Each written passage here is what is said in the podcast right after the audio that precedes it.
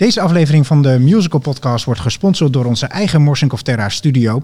Vind je het leuk om te repeteren of te spelen voor een klein publiek in een ruimte van meer dan 130 vierkante meter midden in Amsterdam? Stuur dan even een mailtje naar info.morsinkofterra.nl Vanuit de studio van Morsinkov Terra Theaterproducties in het Sieraad in Amsterdam is dit de Musical Podcast seizoen 1 aflevering 4.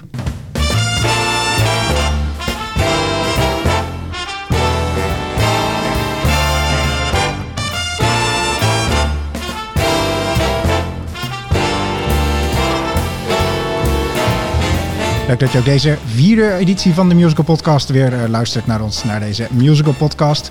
Hierbij nemen we je mee achter de schermen van de Nederlandse musical. En iedere week spreken we met vooraanstaande mensen die werken aan Nederlandse musicals.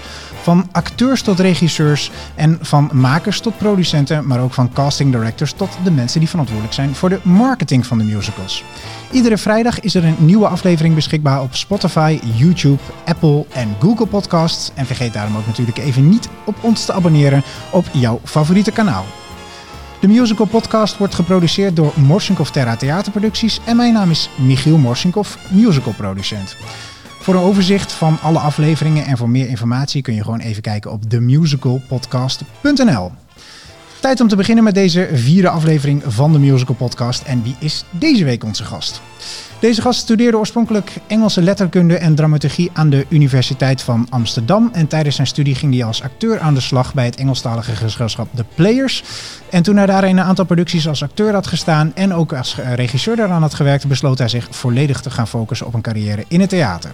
Hij is daarna gaan werken als schrijver, vertaler en regisseur van muziektheater en musicals. Eerst in zijn eigen theatergezelschappen The Company en Off-Broadway en later voor steeds hele grotere producties. In de afgelopen bijna 30 jaar heeft hij onder andere gewerkt voor Stage Entertainment Job van den theaterproducties M-Lab, het Amsterdams Kleinkunstfestival, Stardust Theater, Stichting Den en natuurlijk ons eigen Morsinkov Terra theaterproducties. Hij werkte onder andere aan de musicals Evita, Titanic, Passion, Rent, Cabaret, Spring Awakening, Sunset Boulevard, In Bed met Pietrich en Diaf, Callis Onassis Kennedy, Schuld Thriller Musical, Anastasia, Brugglas de Musical en nog veel en veel meer. En hij werd ook regelmatig genomineerd voor een Musical Award, onder andere voor zijn regie voor Rent, ook voor de vertaling onder andere van Titanic, Passion en Cabaret, voor zijn scripts van Schuld Thriller Musical en Brugglas de Musical en hij won de Musical Award ook nog voor de vertaling van Sunset Boulevard. Daniel Cohen, welkom. Dankjewel. Wat een lijst. Hè? Waar je de tijd vandaan? Ik moet meteen denken van het wordt tijd dat ik echt een officiële website uh, ga uh, uh, maken. Want die heb ik nog niet. Als een van de weinige mensen geloof ik op deze planeet. Nou, zo te horen heb je hem ook niet nodig. Misschien dat iemand gewoon een keer een goede Wikipedia-pagina ja, voor je moet maken. Dat is ook uh, fijn dat je er bent bij deze musical podcast.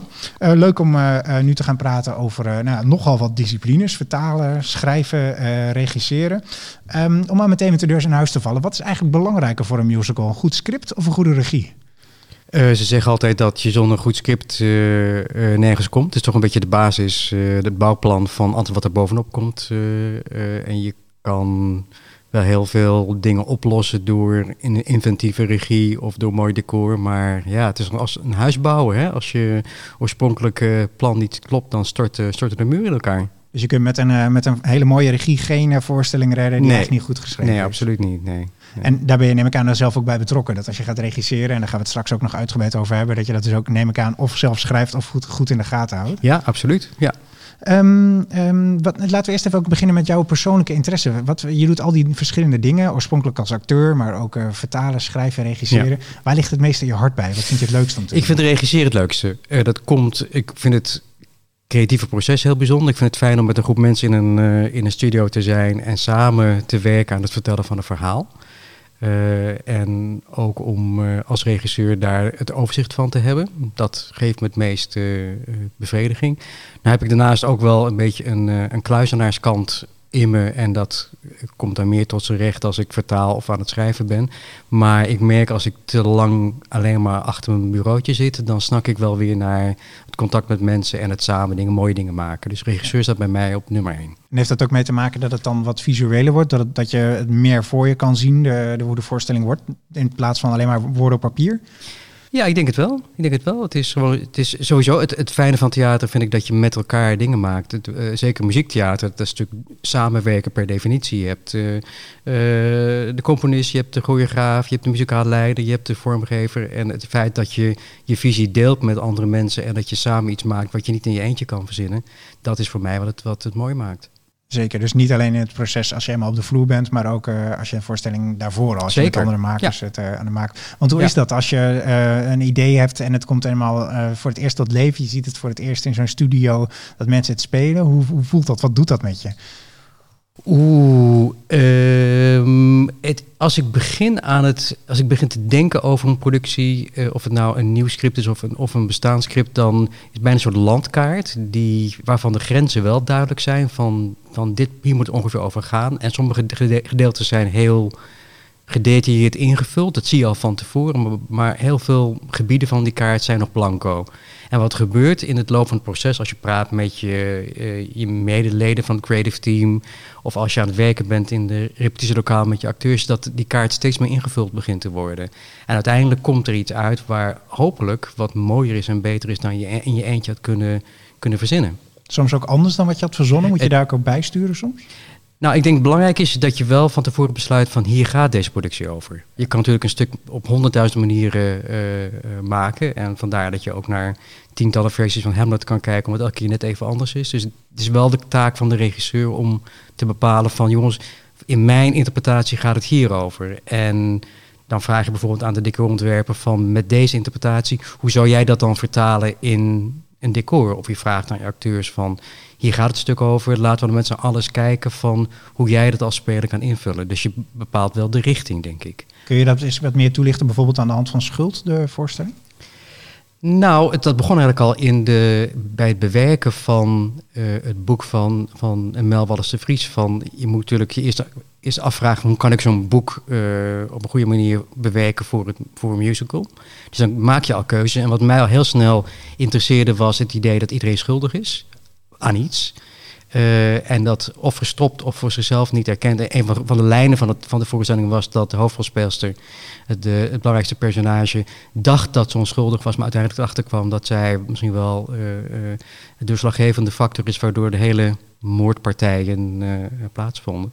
En met dat thema in mijn achterhoofd heb ik het, het, boek gedeconstrueerd en opnieuw opgebouwd in de vorm van een, een musical script en ook daar de songs naar geschreven. En dat waren ook wel de dingen die we besproken in de, in de repetities. Van hoe ga je om met uh, je eigen schuldvragen? Van wat doen alle dingen die wij doen hebben effect op andere mensen.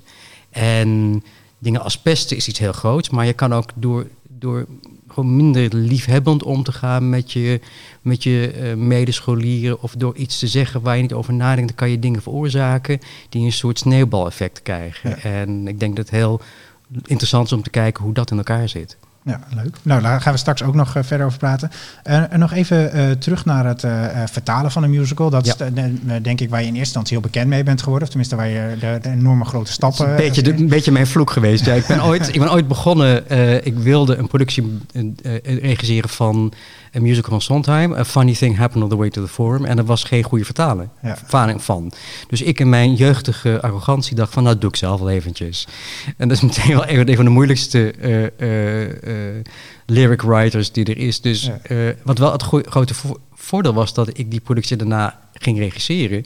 En toen merkte ik dat al die slimme vondsten die ik had bedacht achter mijn, uh, mijn tafeltje, dat die in de praktijk bijvoorbeeld heel moeilijk te zingen waren of onbegrijpelijk waren. En zo leerde ik in de praktijk hoe het is om een vertaling te maken die, waar een acteur mee uit de voeten kan. Ja.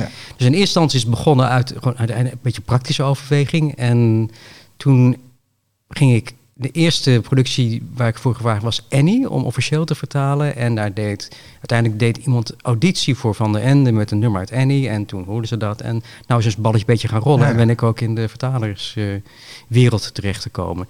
En het is heel leuk. Kijk, wat ik het leuke van vind van vertalen voor producties die ik zelf niet regisseer, is dat is het samenwerken met um, nou, regisseurs als Paul Enens en uh, Carlien Brouwer, die je echt omarmen en deel maken van, van je productie. Um, dat is echt de moeite waard. En wat ik ook heel boeiend vind, is dat je, als je een stuk aan het vertalen bent, is dat je heel nauwkeurig aan het analyseren bent van wat de grote schrijvers in ons vak eh, eh, voor elkaar boksen. Uh, omdat je zo'n nummer in het Engels uit elkaar haalt en, en bestudeert. En kijk, hoe zou ik dat in het Nederlands zeggen? En dat heeft mij als ik uiteindelijk ook mijn eigen dingen begon te schrijven, enorm, enorm geholpen. Want ik kon toch een beetje de, de kunst afkijken bij de grotere. Want dat lijkt me inderdaad dat uh, er, zit, er zit een ander soort artistieke uitdaging in het vertalen van een voorstelling, ja. neem ik aan. Want het is iets wat al door iemand anders bedacht heeft. Ja. Dus daar zit voor jou heel erg de kracht van uh, hoe kunnen we dit uit elkaar houden, uit elkaar halen en weer, weer, opbouwen. Kijk, vooral als je, als je songteksten vertaalt, kijk, je, je, je komt er niet omheen van je moet, als je een lied vertaalt, vanwege het rijm of vanwege het ritme of de zingbaarheid, zul je op een gegeven moment andere dingen moeten bedenken in Nederlands dan er staan in het Engels. Je kan niet letterlijk één op één het overzetten. Uh, dus wat ik probeer te doen is, ik probeer zo goed te snappen waar de oorspronkelijke schrijvers mee bezig waren. Van wat is de betekenis van een lied, van wat is het personage, hoe praat hij of zij, hoe zit een lied in elkaar. Dat ik eigenlijk op een gegeven moment uh, zou durven zeggen van, als die en die Nederlands had geschreven, had hij dit op papier zet. En dat is soms dan zijn het hele andere woorden dan het Engels, maar je hebt wel dezelfde betekenis, dezelfde intentie. En dat is denk ik de uitdaging. Kun je dat bijvoorbeeld eens toelichten aan de hand van uh, dat bekende liedje uit Rent, wat geloof ik na de pauze zit van Seasons of Love? Oh ja, dat is een hele goede. Ja. Dat is natuurlijk een fantastisch nummer van uh, Jonathan Larson, waarin hij beschrijft van wat is een jaar. En dat in het Engels is dat natuurlijk heel, heeft het heel precies onderverdeeld in 5000 Oh god, wat is ook weer het Engels? Weet je dat nog? Nee, nee, jij hebt een voorstelling Maar heel veel seconden in ieder geval. Ja, precies. Het is van een jaar, ik schandel ik meteen uit, mijn mond rol. Van uh, een jaar bestaat uit, uit zoveel uren, zoveel seconden. En dat is ook een fantastisch poëtisch beeld. Hè? Van, van, en wat telt uiteindelijk? Hè? Het gaat ook over jonge mensen die tegen hun eigen sterfelijkheid aanlopen. Uh, en het probleem was dat als je dat in het Nederlands zo zou moeten vertalen, dan zou je heel veel extra nootjes moet je, moeten toevoegen. Ja iets van uh, ja, tel je de 525.000. En zeker omdat het een, een groepsnummer is, waarbij je heel goed moet letten op de, de zingbaarheid en de verstaanbaarheid. Dat, ja, als ik dat ga doen, dan draai ik dat nummer de nek om. Ja. Dus uiteindelijk is mijn versie geworden van tel je de honderden dagen, duizenden uren, tel je, tel je miljoenen seconden achter elkaar. Wat iets minder specifiek is dan de Engelse tekst. En in die zin ook wel iets uh, iets minder krachtig, maar het was wel zingbaarder. En het was uiteindelijk, ik denk de kracht van het nummer zit dat het in het begin heel strak gezongen wordt, uiteindelijk als een soort gospel begint op te bloeien. Uh, ja, dus dan maak je wel dan maak je keuzes uh, op, dat, op dat moment. Dus je kijkt daar ook naar inderdaad van hoe het, waar het in de voorstelling zit, hoeveel mensen het zingen. Want bijvoorbeeld bij dat nummer van Rent, dat is na de pauze. Ze staan allemaal op een rij op het toneel. Ja, precies, dat is echt het moment dat het publiek een biertje heeft gedronken in de pauze en weer hup dat zware verhaal in moet. Ja, ja dus absoluut. Denk, daar denk je ook over na. Ja, ik vind uiteindelijk is, jou, is jouw taak als vertaler om een een goed nummer in het Nederlands te maken. En, uh, en daardoor zul je bepaalde keuzes uh, ja. moeten overwegen. Is dat dan toch minder artistieke vrijheid of minder, een, een minder artistiek proces dan als je gewoon helemaal vanaf nul zelf een voorstelling schrijft? Um, nou, je bent iets dienbaarder, denk ik. Ja, je bent toch bezig met, met wat iemand anders heeft geschreven en wat zijn of haar intenties zijn geweest. En daar probeer je zo goed mogelijk uh, over te brengen. Maar je ontkomt er niet aan dat je ook als vertaler je stempel drukt op een tekst. Ik denk dat er heel duidelijk Zet Gaikema vertalingen zijn, heel duidelijk Martine Bijl vertalingen zijn. En ook misschien wel duidelijk hè, vertalingen van we hebben toch de manier waarop we dingen kleuren of benadrukken of spelen met, met taal. Uh, soms ook een hele goede match. Uh, Zet Gaikema en Maya Verleden is natuurlijk een fantastische match geweest, ook qua persoonlijkheden. Uh, dus het is niet, het is dienstbaar, maar je, je eigen creativiteit komt er ook wel bij kijken. Ja. Um, als we even gewoon, of het nou vertaald is of helemaal geschreven is, maar specifiek over het, uh, over het script van een musical hebben. Um, dan is het vaak zo dat er een vaste structuur en opbouw mm -hmm. in zit. Kun je mm -hmm. daar iets over vertellen? En is dat iets waar je ook mee werkt of juist vanaf werkt? Nou ja, er zijn natuurlijk van die, van die, vooral die Amerikaanse van How to Write a Musical books, uh, boeken waarin wordt gezegd van moet met een openingsnummer beginnen waarmee de sfeer en liefst ook het thema wordt neergezet. En dan het tweede nummer is vaak de I Want song, waar de hoofdpersoon uh, duidelijk maakt van wat hij of zij wil. En dat is dan meteen de rode lijn van, van de voorstelling. Uh, je hebt mm, natuurlijk een, een, een spetter rond het einde van de eerste acte. De tweede acte moeten de mensen weer inkomen. En het is, het is, je hebt van die punten die de schrijvers uh, van dat boeken de tentpoles noemen. Hè? Van, die, van die bepaalde ja. punten waar je rekening mee moet houden. En ik denk dat het hetzelfde is als als je muziek studeert en harmonieleer uh, studeert. Het zijn allemaal hele goede dingen om te weten. En om je heel goed tot je te laten doordringen waarom die regels er zijn.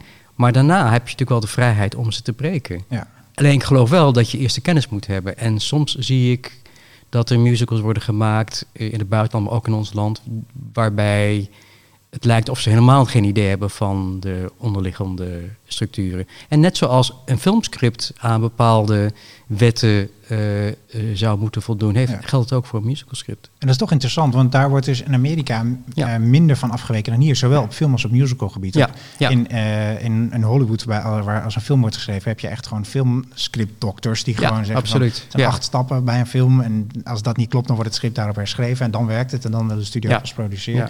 Als je naar musicals op Broadway kijkt, die hebben eigenlijk altijd ook uh, hetzelfde vaste stamien. Is dat, heeft dat dan meer te maken in dat we een andere artistieke uh, invalshoek vanuit Nederland hebben? Of omdat het begrip musical misschien wel wat breder is hier en wat meer dingen uh, omvat? Ja, het gevaar is natuurlijk, dat merk je een beetje aan, aan, aan Amerikaanse films en televisie ook, dat je in een soort geëikt patroon valt. En waarbij je, zeg maar, de, de beats van een verhaal op een gegeven moment voorspelbaar worden. Ja. Hè? Want men zo vertrouwd op het, het, het boekje met regels. En uh, in die zin is het heel goed om af en toe eens dat op zijn kop te zetten. En ik denk, als je bijvoorbeeld naar films kijkt, dat wij in Europa misschien iets meer gewend zijn aan een hele arthouse systeem. Ja. Hè, waarbij verhaallijnen door elkaar worden gegooid en waarin het niet zo draait om, om de plot. Ik denk dat het heel interessant is als je het zou betrekken op de musical, is dat wij onze tussen haakjes Europese um, sensibiliteit, hè, want tegen, tegen kunst en verhalen aankijken, zouden kunnen combineren met de technische degelijkheid van, van Amerikaanse musicals. Ja, dus jij zit er een beetje in Engeland is dat dan Europees, maar lijkt weer meer op Amerika qua musicals althans. Ja, Natuurlijk niet, ja. de cultuur is compleet anders, maar ja, ja. Um, dus jij ziet jezelf een beetje daartussenin qua. Die, die, er is niet één traditie waar je zegt, daar zie ik me het meeste uh, nou ja, kijk, ik denk dat mijn kracht zit. Ik ben heel blij dat ik, dat ik begonnen ben als speler slash regisseur met gewoon teksttoneel. En bij een Engelse toneelgroep met een echt een anglo-saxische achtergrond. Uh, uh, dat heeft me zeker ook enorm beïnvloed in de manier waarop ik tegen dingen aankijk. Uh, en ik heb een grote bewondering voor de, de ambachtelijkheid van veel Amerikaanse stukken. Maar ik denk dat dat zeker winst te behalen is om te kijken van hoe kunnen wij als Europeanen, als uh, Hollanders met, met materiaal aan de slag en het net even anders doen. En ik denk ook dat we dat misschien Amerika een grote vertrouwen heeft in het, in het optimisme van de mensen en dat wij misschien geneigd zijn om iets meer nuances aan te brengen. Ja.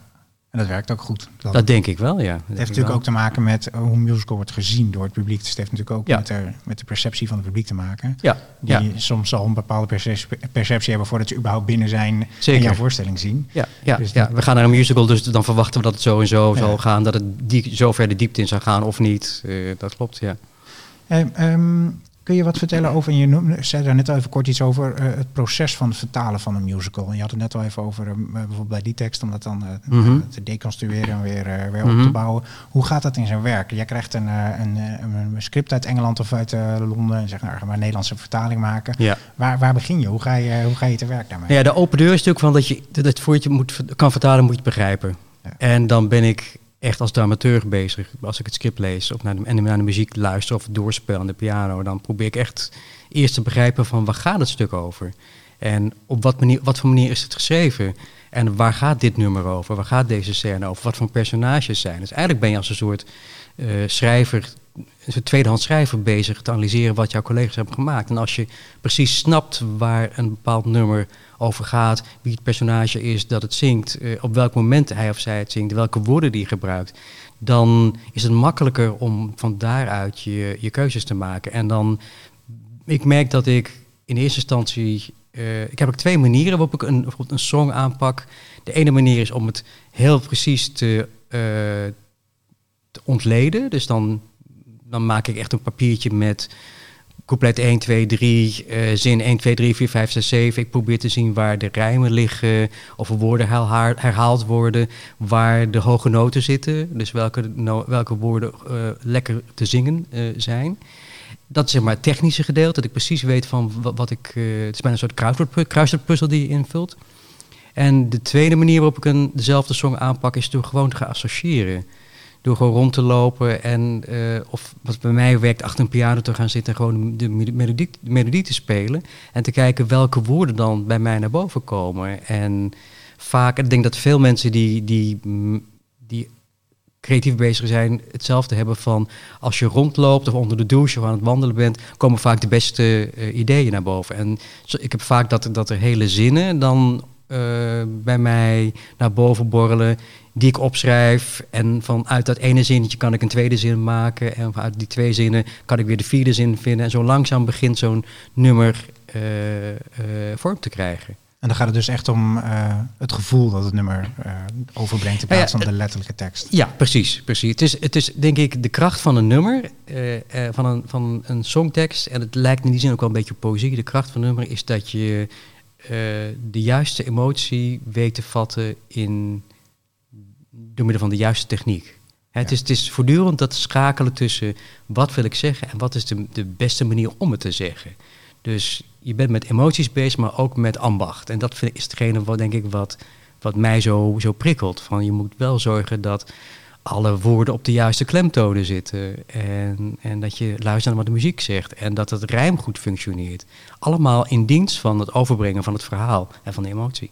En dan heb je die vertaling geschreven en dan ja. uh, moet je dat inleveren in Amerika. Ja. En dan zeggen zij, jij ja. bent daar, eh, het gaat alleen maar over jou. notie. dat het verhaal botst dat nog wel nee, ja, nee hoor, nee. Wat er gebeurt is van, is een beetje bizar natuurlijk van, de, uh, als je een, een Amerikaans musical vertaalt bijvoorbeeld, dan wordt jouw Nederlandse vertaling weer letterlijk terugvertaald in het Engels. En dat is natuurlijk een, een, een versie zonder kraak of smaak of zonder rijm. Echt dat je denkt van, jee, wat is dit? En daar moeten dan de oorspronkelijke schrijvers op kunnen oordelen van of het goed is of niet. Daar heb ik bijvoorbeeld bij Anastasia had ik wel gelukkig een, een heel leuk e-mailcontact met Lynn Ahrens, die de oorspronkelijke lyricist was van Anastasia. En ik kon met haar gewoon overleggen van, wat bedoel je hiermee? En ik heb in het Nederlands dit gekozen, omdat dat beter was qua uh, klemtoon of qua zingbaarheid kan dat? En soms zei ze ja, heel mooi. Of soms zei ze nee, het kan niet, want wat het personage hier wil zeggen is dit en dit en dit. En zo heb je echt een, echt een dialoog met elkaar. Ja, dat is goed, maar dat kan natuurlijk niet altijd. Soms, uh, nee, soms zei ze niet meer. Nee. Ja, bij Anastasia leeft ja. de schrijver nog net, geloof ik. Ja, ja, precies.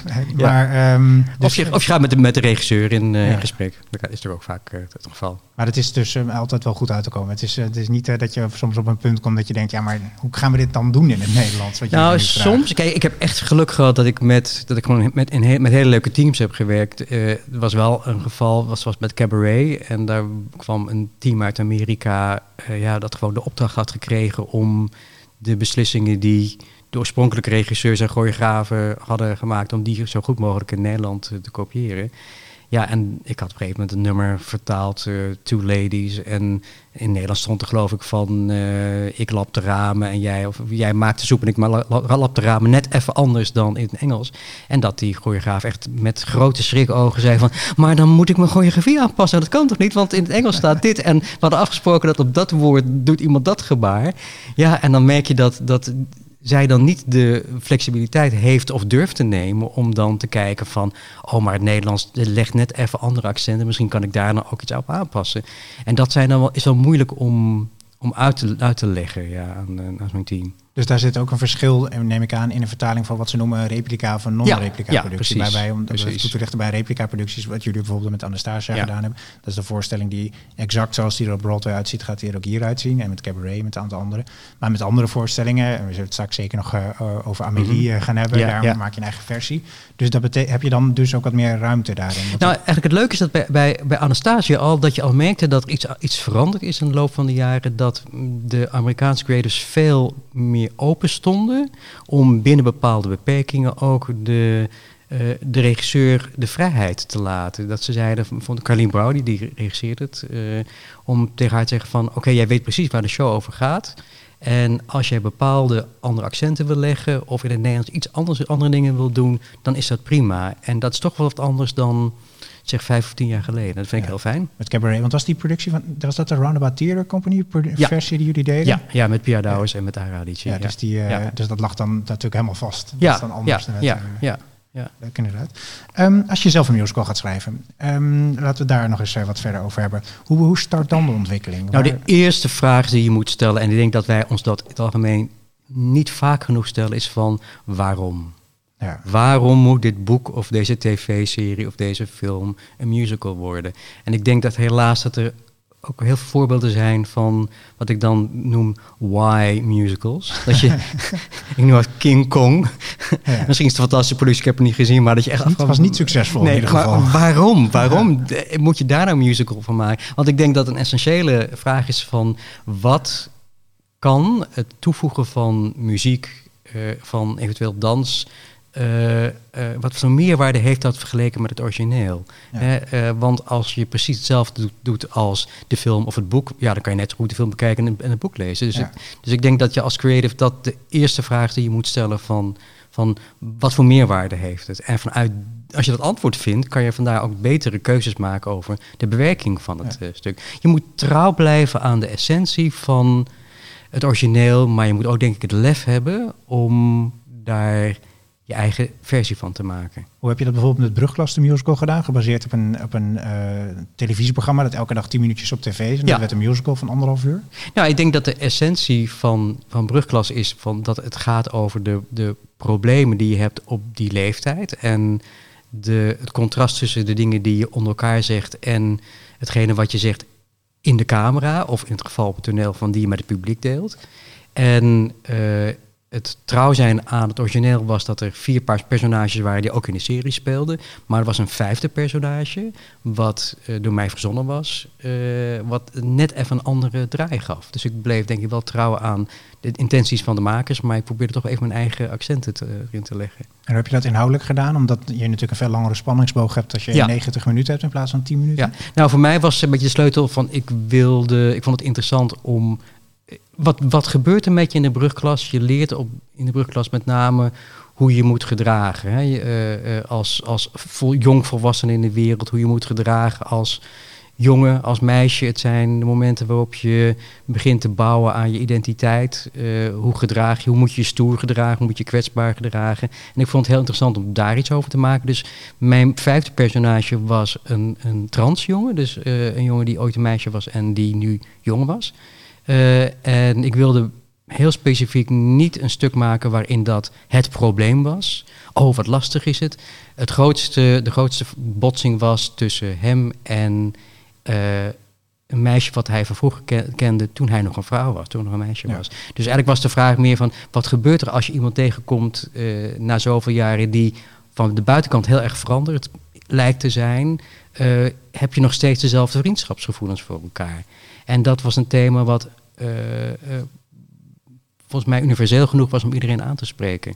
Ja, en dat, ik vond het daar ook leuk aan dat, uh, ondanks dat ons bedrijf die voorstelling heeft geproduceerd, is een beetje een breken van eigen maar, Kleine plugje. Maar, maar, dat het ook op een, inderdaad, wat jij zegt, dat het, geen, dat het niet als groot probleem draaide over dat hij trans was. Dus dat je zag ook bij jongeren die in de zaal zaten, die dat op verschillende momenten, sommigen gaat het snel door, anderen later door, als een soort van klap kwam, maar niet op een negatieve manier klap van, een soort van eye-opener. En daardoor is dat heel erg meetrok in dat Nou, dan ben ik heel blij om dat te horen. Zonder dat het heel dik bovenop lag. Want dan heb je denk ik de kans dat het of heel duidelijk is of dat mensen meteen afhaken of zo. Ja, dus kijk, de essentiële vraag is denk ik van wie ben ik? Dat is iets waar, waar, waar, uh, waar Brugklas over gaat. De tv-serie en ook uh, het, het, musical. Uh, dat is de essentie die we de vraag die ons allemaal stellen. En zeker als je op een leeftijd bent waar je nog niet zeker weet wie je bent. En ik vond het een hele mooie aanleiding om dit thema aan te snijden. En uh, ben je daar ook dus heel erg mee bezig van hoe gaat het publiek daarop reageren? En ga je dan ook bij tryouts kijken en nee, dit zou er nog anders moeten daarin? Ja, ja, ja, ja zeker wel. Ja, zeker wel. En het, het, uh, uh, ik weet ook wel dat toen ik bezig was met, met de scène te schrijven waarin dat voor de eerste keer voor het publiek duidelijk werd, is dat ik zat, zat het is bijna een soort detective, hè, dat je een soort hints eh, laat vallen, een paar clues geeft. En dat je het leuk om langzamerhand eh, eh, te, te zien hoe het kwartje valt en, en mensen begrijpen hoe het, hoe het in elkaar zit. Ja. En helemaal grappig dan dat dat bij sommige mensen sneller gaat dan anderen. Ja, ja, ook, heel leuk. Dat Ja. de dynamiek in zo'n publiek. Ja. Soms merkte ik dat ouders het al door hadden en dat Ja. die dat dan later tegen hun kinderen Ja. zeiden. Nou weet je, ik had eigenlijk gedacht dat het, veel, dat het vaker een issue zou zijn.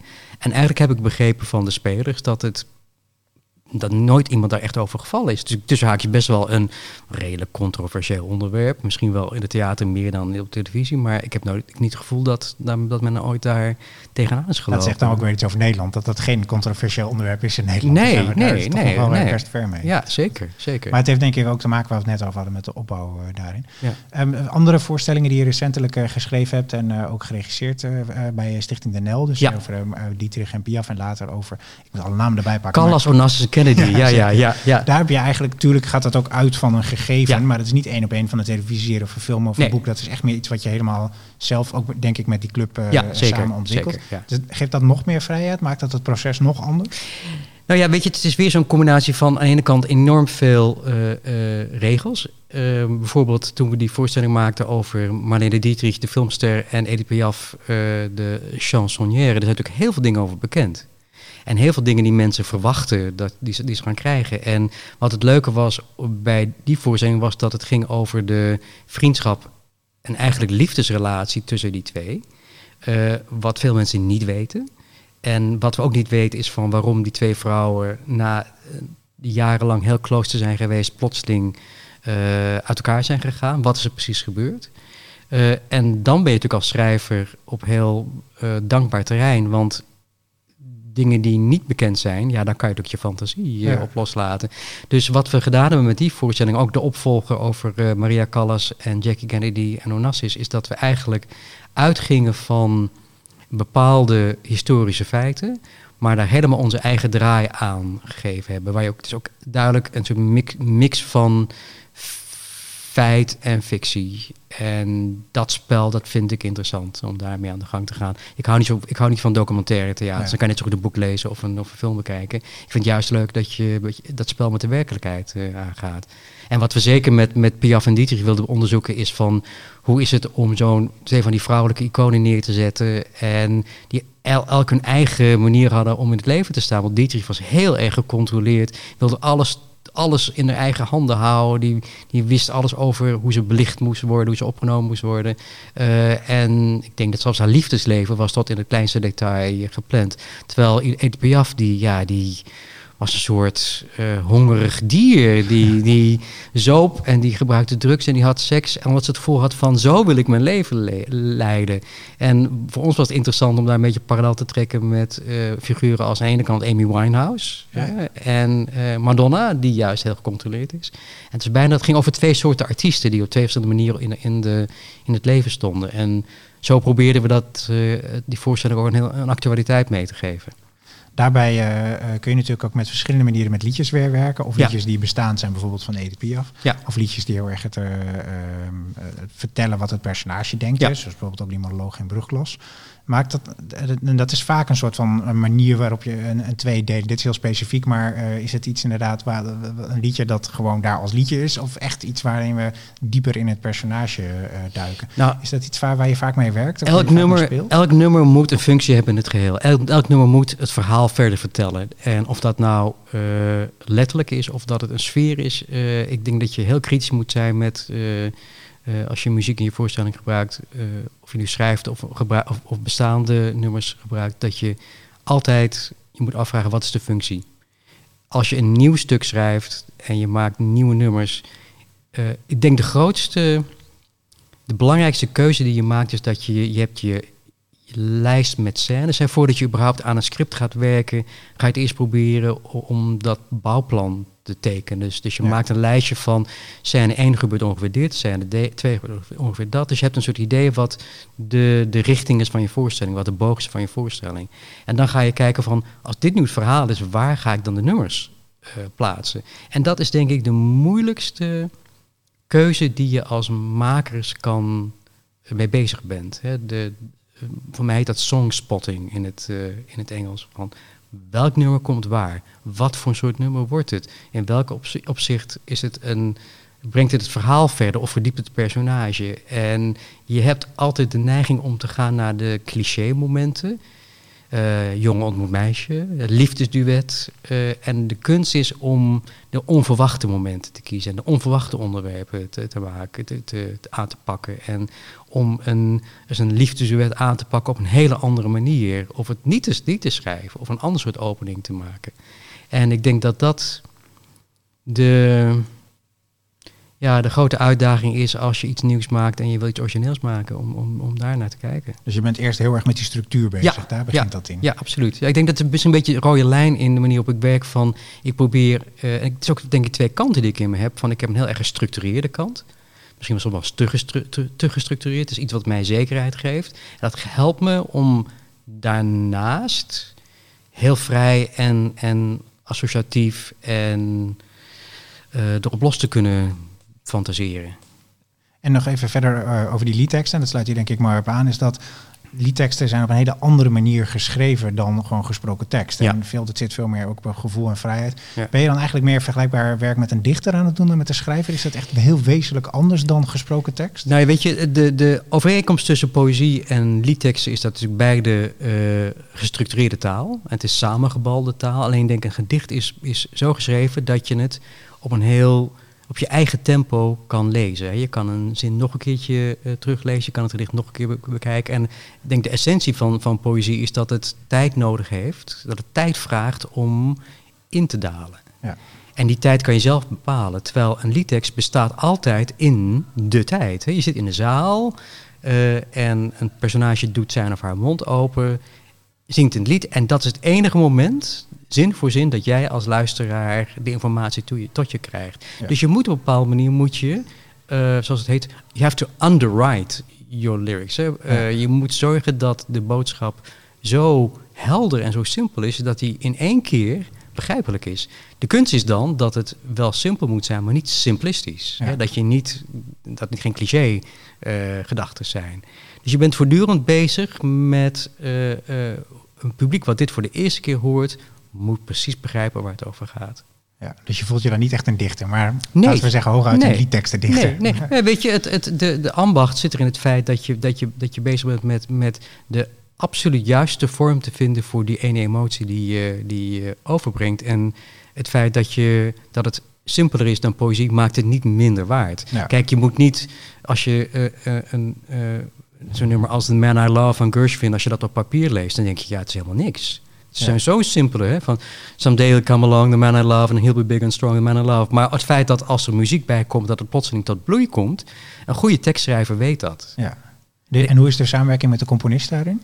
Ja, kijk, het leuke, natuurlijk in ideaal geval is het natuurlijk een soort give and take. Dan schrijf je iets en dat stuur je dan aan de componist en die maakt er wat op. En dan hoor je de melodie, denk je van, oh wacht eens even, als de melodie zo gaat, dan is het misschien beter om dit woord te gebruiken. En in het verleden heb ik soms uh, kant-en-klare teksten gestuurd die iemand op, op muziek zette. Maar ik heb ook uh, bestaande muziek, of dat iemand mijn muziek stuurde en ik daar dan mijn tekst op maakte. Vergelijkbaar met het vertaalwerk dan een beetje dus? Ja, nou ja, dan weet je wel, dan, dan, dan zeg je van tevoren, we gaan nu een nummer maken wat daar en daar over gaat. Een beetje deze sfeer. En ik denk aan deze titel, kan je daar wat mee? En daar gaat dan de componist mee aan de slag en dan stuurt hij wat. Dat is natuurlijk wel de ideale uh, manier van samenwerken. En dan luister je ernaar en denk je, nou, dit is toch te snel. Misschien moet je hier even een, een luchtpauze zetten, zodat het publiek kan reageren. Dus zo ben je eigenlijk samen als toneelschrijvers bezig. Ja, heel mooi. En dan ook nog de regisseur, wat je dan vaak ja. zelf bent. Ja, ja.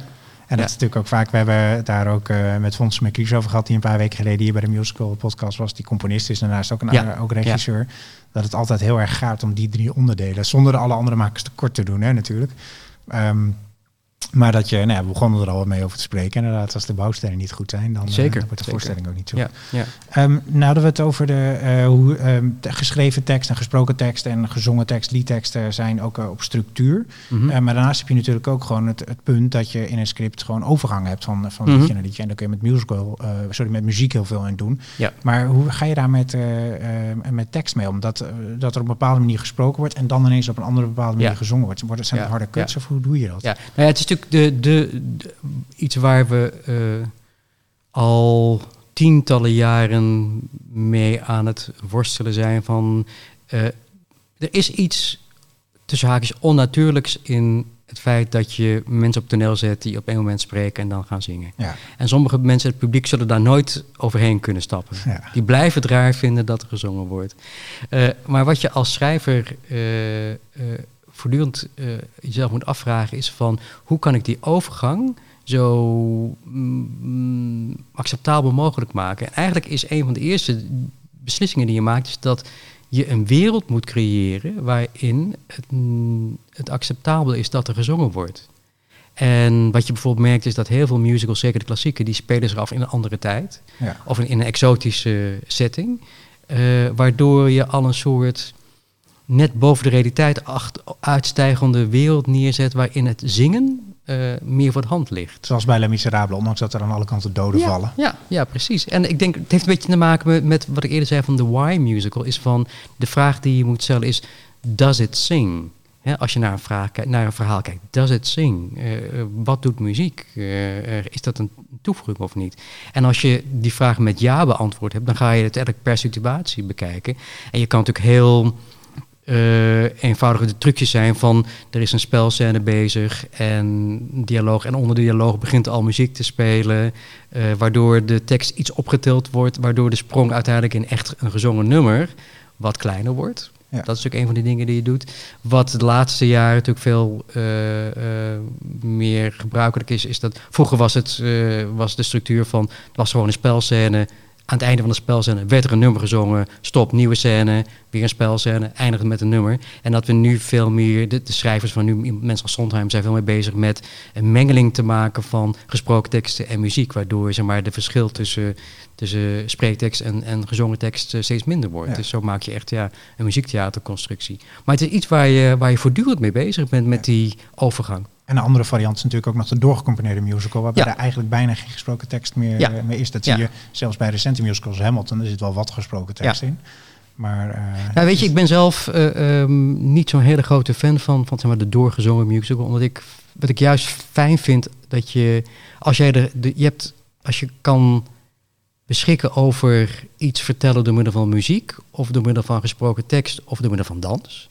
Het geeft je zoveel meer uitdrukkingsmogelijkheden. En sommige zaken laat zich nu, iemand, nu eenmaal beter vertellen in een speltekst. ja. En sommige zaken beter in een zangtekst. En als jij jezelf moeilijk maakt door alleen maar eh, eh, te zingen, ja, dan, dan het, het gevaar is dat het een soort traag monster wordt, waarbij alle emoties vrij breed worden uitgemeten en waarbij er waarbij informatie vaak moeizaam eh, eh, te geven is. En ja, weet je wel dat voor de kritiek van op ehm, Aspects of Love van, van Andrew Lloyd Webber was dat de meest banale zinnen werden gezongen. Van, van eh, Would you like a cup of tea? En ja, en dan, dan neem je zelf een beetje de, de, de, de variatie die eigenlijk muziektheater je kan bieden. Dus ik zou zelf eerder kiezen voor een combinatie. Tenzij het verhaal er echt om zou vragen om het maar te zingen. En is inderdaad een mooie manier zo ook met de informatie eh, goed te verdelen. Dus Ja, dat je op die ja. manier eh, veel informatie kunt verwerken in gesproken tekst. Ja, En laten we wat verder praten over je werk als regisseur. Je zei al, dat ja, toch wel ja leuk. zeker. zeker. Ehm, je hebt een voorstelling vertaald of geschreven en dan eh, komt het moment om te gaan regisseren. En aan het begin van het gesprek hadden we daar al even over. Ehm, gebeurt het dan nog vaak dat je toch dingen gaat herschrijven? Of zie je het echt als, als een afgerond proces, dat schrijven, en ga je dan eh, echt eh, volledig op het regisseren? Nou kijk, het cliché is natuurlijk van... Waar, dat, eh, me- je moet niet iets regisseren wat je zelf geschreven hebt... omdat je dan bang zou zijn to kill your darlings. Hè? Ja. Van dat je dan als schrijver veel meer vast zou zitten aan hetgeen wat je gemaakt hebt. Ik, ik merk zelf dat het tegenovergestelde het geval is. Van als ik iets aan, de, aan mijn werktafel heb bedacht... van oh ja, deze scène heeft, heeft, doe ik omdat het daar en daarover gaat... heeft deze functie. Als ik dan als regisseur merk dat het niet werkt... dan kan ik veel makkelijker zeggen van... oh, ik, gooi het, eh, ik stop het in de prul- prullenbak Ja. en ik ga iets nieuws schrijven... Want ja, mijn ego is dan niet gekrenkt. En ik weet ook heel goed van wat er dan voor in de plaats moet komen. Dus wat dat betreft, ik denk dat het ook scheelt van dat dat het was heel lang geduurd heeft voordat ik zelf dingen ging schrijven. Ik had eigenlijk heel lang het gevoel van, ik heb niks te zeggen, waarom zou ik het doen? Eh, en misschien ook geïntimideerd doordat ik eh, eh, in mijn regie- en vertaalwerk met zoveel goede mooie teksten aan de gang ging. Dat ik dacht van ja, ik zie me aankomen, ze zien me aankomen. Dus dat echt pas aan de laatste, latere fase was. Waardoor ik ook iets nonchalanter ben in, in dingen herschrijven en weggooien. En ik vind het ook leuk. Want uiteindelijk gaat het erom van... hoe kan je ervoor zorgen dat een moment werkt... en op een gegeven moment merk je het werkt niet. En om dan uit te puzzelen van hoe kan ik het dan aanpassen waardoor het wel gaat werken. Ja, vind ik een grote, vind ik het leuke daarvan. Dus je hebt eigenlijk twee petten op en je kan heel makkelijk Ja. switchen daartussen. Ja. En zonder dat je, Ja. zonder dat je inderdaad jezelf krenkt Ja. en mee bedenkt. van- Ja, en het grappige is dat, dat je zou denken dat het zelf bedacht hebt, dat, dat, je, dat je niet meer verrast wordt. Maar als de acteurs erbij komen en er komen vormgevers erbij en er komt een, een, een componist bij, dat je eigen tekst plotseling heel nieuw wordt. Dat, er, dat een acteur daar eh, dieptes in ontdekt die je zelf niet had vermoed. En dan zit je natuurlijk heel erg aan de kant. Dus ja, dat zat erin, ja, heb ik zo bedoeld. Maar dat is gewoon wat, wat dan de acteur erin weet ontdekken. Dus dat is altijd wel een mooi, eh, een mooi proces. En andersom, als je iets eh, achter de schrijftafel be- bedenkt waar je van denkt, nou dit wordt briljant. En dan wordt het uitgevoerd en dan zie je dat het niet werkt. En de acteurs voelen dat het niet werkt. Ja, ja. Ja, nou, ik heb met, met bijvoorbeeld met eh, eh, de, de opvolger van In bed met Dieter in Piaf, die voorstelling over Callas en eh Kennedy en Onassis, hebben we een, eerst een pilotversie gemaakt. En dat was echt heel anders. En daar hebben we publiek, publiek voor uitgenodigd. En toen ben ik in de zomer echt wel radicaal aan de slag gegaan om het om te gooien. En dat vind ik ook wel leuk. Ja, dus dan heb je echt al de mogelijkheid om het even te zien spelen voor Ja. publiek. Dat je niet alleen Ja, kan kijken wat valt er bij acteurs. Precies. Maar ook eh, hoe reageert het publiek daarop. Maar ook bij een voorstelling waar je bijvoorbeeld die mogelijkheid niet hebt. Ik kan me voorstellen dat het kan gebeuren. Dat, gewoon, ja, dat het niet werkt op de repetitievloer. Ja. Vloer. Probeer je dan vast te houden aan je tekst en de voorstelling te- veranderen tot het werkt? Of ben je dan gewoon van, nou, dit gaat eruit? Nou, dat is een goede vraag. Ik denk dat dat, eh, dat is iets wat je eigenlijk per, per moment moet, moet bekijken. Als je echt van overtuigd bent van ja, maar deze scène klopt. Alleen we hebben nog niet de sleutel gevonden om het goed te spelen. ja. Dan moet je gewoon doorgaan. Als je op een gegeven moment erachter komt van ja, ik dacht dat klopt, maar het klopt eigenlijk helemaal niet. Dan moet je het gewoon eh, eh, eruit gooien. Alleen te weten op welk moment het een is of het ander, dat is een beetje de, de kunst. En, en maakt het dat moeilijker dat je zelf dan de regisseur en de schrijver bent? Dat je daar maar één mening over hebt op dat moment? Tenminste, dit, we hebben de acteurs, et cetera. Maar als je nog met z'n tweeën bent, dan kan ik me nog voorstellen dat iemand zegt van ja, ik zie hier dat het niet werkt. Nou, ik zorg altijd wel dat er iemand bij me is. Het zij een hele goede regieassistent of een dramateur. Of dat ik iemand uitnodig waarmee ik kan praten. En aan wie je kan vragen van... Vind je nou dat dat er dan werkt? Dat er dat Ja. werkt? Ik, bedoel, dat, ik heb ook wel die frisse kijk nodig. Ja. eh, om dan tot inzicht te komen. Om de afstand ook ervan eh, te Ja, nemen weer. ja, dat, je- ja, dat is natuurlijk het risico dat als je, als je het helemaal zelf doet, dat je er zo in zit, dat je dat bijna niet meer ziet. Ja, ik denk dat eerder het gevaar is, moet ik eerlijk zeggen, van dat je iets te snel weggooit. Denkt van, oh, het werkt niet zo lelijk en zo. En dat je soms iemand nodig hebt die daarna kijkt en zegt van... nee, het idee is wel goed, alleen op dat moment is het licht zo raar... waardoor Oh, je niet kan... Snap je? Dus eh, eh, een beetje tegenovergestelde van Kill Your Darlings... eh, dat je daar bang voor zou zijn. Het gevaar is dat je dat te snel doet. Of juist dat je goed genoeg bent in Kill Your Darlings. En dat je ja, ja. daarom daar een beetje in geremd moet worden. Dat is ja precies. Want sommige darlings are worth saving. Dat denk zeker. ik. Ehm, zometeen nog, gaan we nog even kort hebben over de producties waar je op dit moment aan werkt. Ja. Zijn er nog voorstellingen die je hebt gezien in, eh, in Engeland? Ik weet je vaak in Londen komt om voorstellingen te kijken. Je, je zou weer binnenkort naar, eens een keertje naar Broadway gaan. Maar Ja, ja, dat heeft corona nog even tegengehouden. droevig. droevig. Ongeveer, eh, dit wordt uitgezonden begin augustus, dus je zou ongeveer nu zo'n beetje moeten gaan. om- Ehm, maar zijn er nog voorstellingen die je daar gezien hebt in Londen of in, die je nu ook gaat zien, waar je denkt, van, als die naar Nederland komt, daar zou ik echt graag eh, de vertaling en de regie... Nou, ik vond Hades Town echt fantastisch. Dat was, is een, een voorstelling, zo- een, een moderne bewerking van Orpheus en Eurydice. Van eh, de zanger die ze achter zijn vrouw uit aangaat, die in de onderwereld zit omdat ze overleden is en haar, haar mee wil nemen. Prachtige voorstelling. Ja, echt geweldig. Ja. Geweldig. Zo mooi qua regie, qua muziek en zo'n hele eigen stijl. En ik zat echt in de zaal met, met kippenvel. Ik vind het echt, echt fantastisch. Ook zo'n goed voorbeeld van hoe mooi musical kan zijn. Ja. En hoe anders musical kan zijn. En eh, ja, ik hoop heel erg dat dat hier naartoe komt en dat het eh, ook zijn publiek vindt. Ja, nog andere die, eh, waar je van denkt, nou, die moet ook eens naar Nederland komen. Even goed nadenken. Of laten we het dan hebben over eentje die naar Nederland komt. Ja, dat, goed We bruggetje. we zijn natuurlijk hier aan, eh, aan eh, Amélie eh, aan ja, het werken. Ja, ja. Het leuke is dat we het inmiddels hebben aangekondigd, dus we kunnen Ja, over we hebben. kunnen niet meer terug. Wij zitten hier al nou zo'n beetje een- nou, meer, meer dan een jaar geleden dat we hier aan begonnen te werken, maar Ja. we konden het er nooit echt over hebben. Ehm, dus dat is zo'n voorstelling inderdaad. Die is in, uh, in, op Broadway gedaan, die is in Londen gedaan, is in Duitsland gedaan. Is overal uh, met wisselend succes, soms heel goed, soms niet zo goed gevallen. Maar daardoor het leuke dat we daardoor een eigen versie kunnen maken, daaraan kunnen sleutelen. Ja. Um, wat geeft je daar de vrijheid om te zeggen van nou, dat is, daar, daar ga ik op die manier mee om door er mijn versie van te maken? Het is natuurlijk ook nog een proces wat nog gaande is. Maar zijn er al dingen waar je van zegt, nou, dat doe ik echt anders of dat wil ik graag meenemen? Nou, het grappige is van, van, van ik heb niet de Broadway-versie live gezien, maar wel de beelden van gezien, natuurlijk de CD. En ik heb de voorstelling in München gezien en in Londen. Hoe ze alle drie hun eigen accenten leggen ja. op het verhaal, vergeleken met, met de film. En ik was er wel heel snel achter van voor mij gaat het verhaal hierover. Dit is de essentie van het. Wat is best een beetje ongrijpbaar gegeven. Het mooie van de film en ik ook van deze versie is dat het een beetje de wetten van de musical omzeilt. En uh, dat het heel veel verschillende personages lijkt te bevatten, maar uiteindelijk moet je daar de rode draad in vinden. En wat voor mij heel snel heel helder werd, en dat wil ik ook als richting gebruiken voor mijn voorstelling. Wat mij ontroert is, het is een verhaal van een meisje wat opgevoed is door ouders die tegen de zeiden van de wereld is niet te vertrouwen. Er is geen contact mogelijk tussen mensen. Uh, als je een afstand wil afleggen van A naar B, je al, leg je eerst de helft af en dan de volgende helft, de volgende helft, de volgende helft. En het, en het is gewoon onmogelijk om bij elkaar te komen. En dat meisje gaat naar de grote stad in de hoop om een nieuw leven te bouwen. En, maar er blijft een gat van binnen zitten vanwege die opvoeding. En ze denkt dat ze dat achter zich kan laten, maar dat lukt er niet. En in eerste instantie probeert ze dat gat op te lossen door andere mensen gelukkig te maken en zichzelf te vergeten. Ja, en wat er dan gebeurt, dan kruist natuurlijk een, een, een aantrekkelijke jongen haar pad en ze wordt verliefd. En dan wordt ze eigenlijk voor de vraag gesteld van, durf ik bij mezelf die deurtjes open te doen die al zo lang dicht zijn geweest? En dat is voor mij de, de, de rode draad van de voorstelling. En afgezien van alle magische en charmante en vrolijke momenten die er ook in zitten, gaat het uiteindelijk toch over het feit van als je wil leven, als je jezelf wil openstellen voor het leven, moet je de sprong wagen en moet je durf je kwetsbaar op te stellen. En je moet proberen om die dingen los te laten die jou door je ouders zijn meegegeven, als die niet meer werken.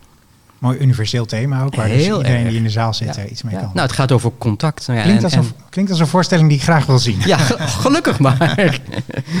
Oktober 2021, het duurt nog eventjes, maar dan komt hij in de, in de theaters. Wat zijn andere projecten waar je nog op dit moment aan werkt, waar je iets over kunt vertellen? Nou, ja, er is ook wel uh, een en ander op zijn kop gezet door, uh, door corona. Dat, dat is, uh, dat is ook wel, wel lastig. Wat ik heel leuk vind, ik hoop nog een project te maken met de Frank Sanders Academie. Ja, dat is natuurlijk een van de musicalopleidingen waar ik al, ook al jaren uh, um, me nauw betrokken bij voel. En uh, ik zou een voorstelling maken met de eindexamenklas van dit jaar.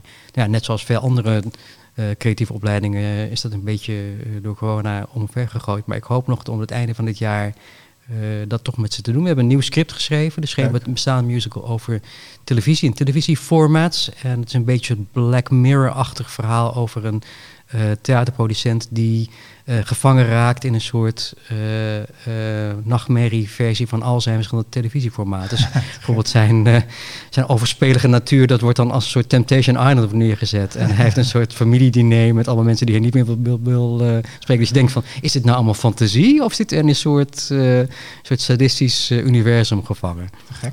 En natuurlijk de opvolger van Brugglas, 100% Coco. Ja, dat is waar. Is inmiddels ook aangekondigd, dus kunnen we het ook over hebben. Ja, het is grappig dat ik, uh, uh, zeker bij Terra, dan uh, voorstellingen maak voor een jonger publiek. Wat ik nooit zo bij mezelf had gedacht dat ik dat zou kunnen. Maar klaarblijkelijk is, ben ik toch nog wel heel infantiel van binnen. Want dat glijdt geen... Of, heb je, of heb je gewoon een jonge geest? Dat is dat net goed, dat is goed. Ja, zeker. Nee, klopt ook absoluut. absoluut. Dus het is een, ik vind het leuk om zo mee bezig te zijn. Hey, de tijd is, zit er bijna op. we sluiten af met de vraag waar ik bij iedereen mee afsluit. En dat is, als we tien jaar verder zouden zijn tien jaar verder in de tijd. Hoe denk je dat dan de Nederlandse musical eruit gaat zien?